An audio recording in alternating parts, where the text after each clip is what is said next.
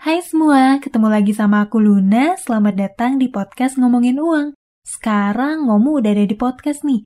Jadi kamu bisa dengar dan belajar keuangan di sela-sela kesibukan kamu. Atau sekalian nemenin kamu sebelum kamu tidur. Oh iya, buat kamu gitu ya yang kepikiran pengen bikin podcast juga. Cobain deh, bikin podcastnya pakai Anchor. Jadi dengan upload di satu platform Anchor doang, rekaman podcast kamu tuh langsung terdistribusi ke Spotify, iTunes, Google Podcast, dan lain-lain.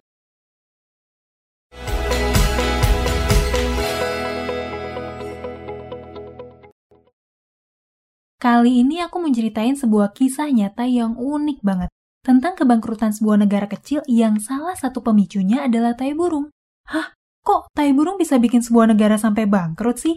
Yap, cerita tentang negara yang satu ini tuh emang unik banget. Apalagi beberapa puluh tahun yang lalu, negara kecil itu adalah salah satu negara yang sangat kaya. Bahkan sempat juga nih dijuluki sebagai The World Richest Island in the World sama National Geographic dan New York Times. Wah, negara apaan sih yang kita bahas? Namanya adalah Republik Nauru, sebuah negara berbentuk pulau mungil yang terletak di Samudra Pasifik. Gak jauh nih lokasinya dari Papua. Pulau ini tuh kecil banget, cuma 21 km persegi doang, atau kira-kira sama nih besarnya kayak kota Magelang. Dulu pulau ini tuh sempat dijulukin nih jadi The Pleasant Island sama penjelajah Eropa karena keindahan alamnya yang cantik banget. Ternyata nih, pulau ini tuh nggak cuma cantik dan indah, tapi juga mengandung kekayaan yang luar biasa. Wah, kekayaan apaan tuh? Apa di pulau ini ada tambang emas, batu bara, atau jangan-jangan berlian? Bukan. Sisi pulau ini tuh ternyata mengandung kandungan guano, atau kasarnya adalah tai burung yang telah mengerak dan bertumpuk selama jutaan tahun. Hah, maksudnya gimana nih? Jadi ternyata nih, lokasi geografis pulau ini yang terletak di tengah samudra itu bikin Pulau Nauru sebagai tempat migrasi sekaligus tempat singgah burung-burung yang menjelajah samudra dan ngelakuin perjalanan migrasi besar-besaran selama ribuan bahkan jutaan tahun. Akibatnya apa? Burung-burung yang singgah dan sekaligus buang kotoran ini tuh ninggalin kekayaan yang luar biasa buat negara Nauru. Loh, Kok bisa gitu sih? Karena nih, guano yang merupakan kerak lapisan dari kotoran burung ini tuh ngandung nutrisi yang berharga, yaitu fosfat, nitrogen, dan potasium. Yang mana ya, ketiga kandungan itu sangat berharga sebagai bahan produksi pupuk dan juga mesiu. Selain itu, fosfat juga dipakai nih sampai sekarang buat proses pembuatan deterjen, pasta gigi, bahan alkalin pada bumbu masakan, dan beberapa obat tertentu gitu yang memperbaiki dinding sel, tulang, dan gigi. Karena itulah, Fosfat ini tuh ngandung nilai ekonomi yang tinggi banget. Karena sampai sekarang, fosfat ini tuh nggak bisa digantiin, nggak bisa dibuat, dan cuma bisa ditambang doang. Saking berharganya guano ini, negara Bolivia, Peru, dan China tuh bahkan pernah berperang gitu. Buat memperebutkan daerah yang ngandung guano, kayak di Nauru ini. Sayangnya nih, kekayaan alam di Nauru tuh baru bisa benar-benar dinikmati sama masyarakat Nauru di tahun 1968, setelah negara Nauru ini tuh merdeka. Soalnya sebelumnya, pulau kecil ini tuh ada di bawah jajahan Jerman, Australia, sampai pendudukan Jepang. Sebagai gambaran aja nih tentang kekayaan guano di Pulau Nauru. Di tahun 1914, ketika masih dalam pendudukan Jerman, Nauru tuh berhasil memproduksi 100 ribu ton fosfat. Saat itu, setiap ton fosfat itu dihargai 12,5 dolar Australia.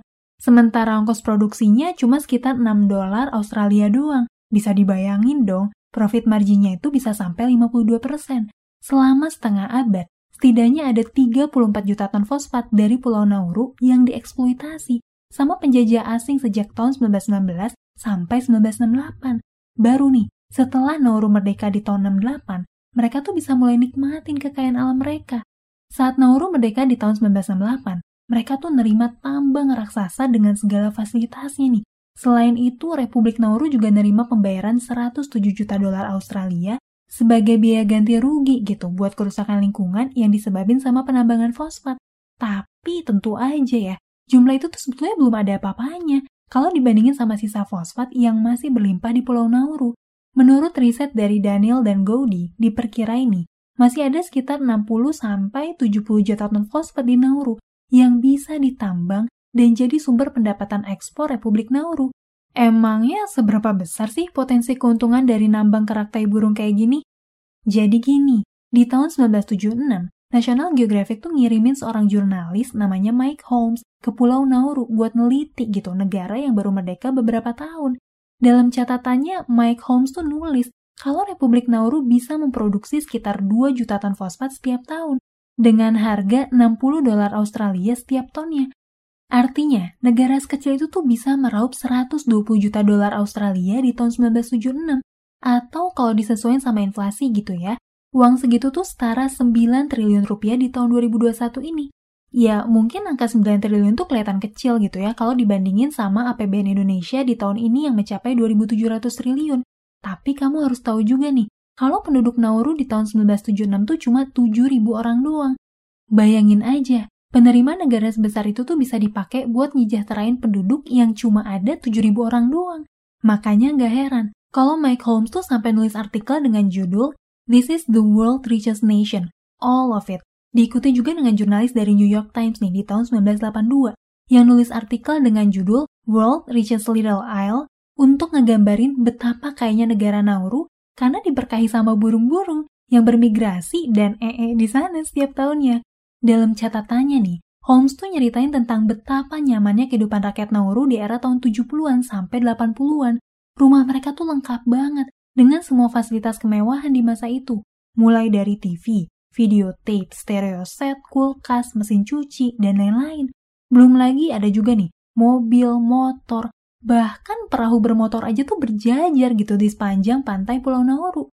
Saat itu masyarakat Nauru tuh cuma fokus kerja di pertambangan doang. Dan pemerintah ya, menggratiskan pajak buat masyarakatnya. Belum lagi pemerintah tuh juga ngebagin banyak hal dengan gratis. Mulai dari pembangunan rumah, akses listrik, air bersih, bahkan tiket penerbangan ya buat semua masyarakat Nauru tuh semuanya gratis. Wah, enak banget ya jadi warga Nauru di tahun 70 sampai 80-an. Yap, bayangin aja, GDP per kapita Nauru tuh naik hampir dua kali lipat cuma dalam 10 tahun, sampai mencapai 5.414 US dollar di tahun 1980. Sebagai perbandingan aja nih, GDP per kapita Singapura di tahun 80-an, yang saat itu tuh lagi menggalakkan pembangunan besar-besaran, itu tuh ada di level 5.005 US dollar. Masih kalah nih sedikit sama Nauru. Padahal Singapura dengan jumlah penduduk 2,4 juta jiwa, itu tuh lagi sangat produktif di segala proyek pembangunan skala besar. Sementara Nauru yang cuma 7.800 jiwa doang bisa nyaingin Singapura dengan jualan Oh iya, aku mau ngingetin nih kalau aku bikin podcast ini pakai Anchor. Buat kamu yang kepikiran juga mau bikin podcast, cobain deh distribusin podcast kamu pakai Anchor. Tapi nih, di balik semua kenikmatan di pulau yang dijuluki sebagai Pleasant Island ini, ada bom waktu yang siap ngancurin semuanya. Rakyat Nauru tuh terlena gitu, sama segala sumber daya yang berlimpah, sampai mereka tuh lupa sama satu hal penting. Di balik kelimpahan itu, mereka nggak terlatih buat ngelola kekayaan dan keuangan mereka. Mereka juga nggak terlatih gitu buat ngadepin satu situasi ekonomi yang sangat penting, yaitu kelangkaan. Yap, tai burung itu, eh maksudnya fosfat itu, cepat atau lambat ia bakalan habis ditambang. Sekarang apa yang terjadi kalau fosfat itu tuh udah habis ditambang? Nah, akhirnya nih, pemerintah Nauru mulai nyari akal. Gimana caranya supaya mereka tuh bisa ngelola cadangan kas negaranya? Mereka akhirnya nyiptain Badan Hukum Investasi Nasional. Atau kalau sekarang tuh lebih sering dikenal dengan istilah Sovereign Wealth Fund atau SWF gitu. Dengan nama Nauru Phosphate Royalties Trust atau NPRT. Lembaga SWF ini tuh bertugas buat ngelola dana miliaran dolar Republik Nauru terus ngeinvestasiin uangnya ke luar negeri. Sayangnya nih, gak ada ahli ekonomi, gak ada juga ahli keuangan maupun investasi di Nauru. Makanya nih, mereka tuh perlu konsultasi sama banyak konsultan asing buat ngelola uangnya. Akhirnya, banyak dana kelolaan mereka yang diinvestasiin jadi aset gak liquid, kayak real estate dan hotel di berbagai kota besar di seluruh dunia. Kayak di Auckland, Manila, Melbourne, Honolulu, London, dan lain-lain. Salah satu yang cukup terkenal itu adalah pembangunan Nauru House nih, sebuah gedung pencakar langit yang sempat jadi landmark gedung tertinggi di Melbourne di tahun 70-an.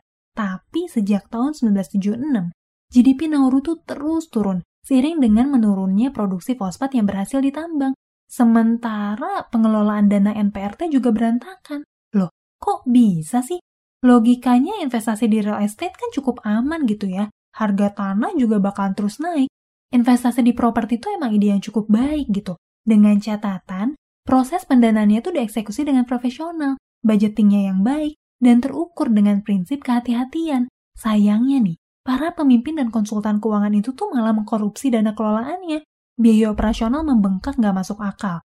Bahkan antara tahun 1989 sampai 2004, pemerintah Nauru itu berganti sebanyak 21 kali. Misi buat nyelamatin keuangan nasional ya malah dijadiin kesempatan para pegawainya buat hura-hura dengan nginep di hotel mewah di seluruh dunia. Terbang pakai tiket pesawat VIP yang harganya tuh mahal banget. Serta ngeksekusi dana kelola investasi tanpa ngitung biaya perawatan gedung, pajak bangunan di kota besar yang mahal, dan lain-lain.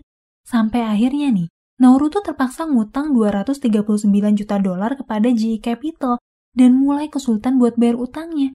Aset real estate di berbagai dunia yang sifatnya nggak liquid itu tentu nggak gampang gitu ya buat dicairin dalam waktu cepat. Akhirnya aset-aset properti Nauru disita sama pengadilan. Pada akhirnya nih, Nauru tuh dinyatain gak mampu buat bayar utangnya di tahun 2002. Dan di tahun itu juga, Nauru tuh dinyatain sebagai negara yang udah bangkrut karena gagal buat ngejalanin kewajibannya. Parahnya lagi nih, penambangan fosfat itu tuh juga ngerusak ekosistem Pulau Nauru. Tanah di Pulau Nauru tuh udah gak bisa lagi buat dijadiin lahan pertanian atau perkebunan. Pantainya tuh juga tercemar gitu sama limbah sisa penambangan. Jadi nelayan Nauru juga susah buat nangkep ikan. Akhirnya, rakyat Nauru cuma bisa bergantung doang sama ekspor makanan murah dari luar negeri yang gizinya nggak seimbang.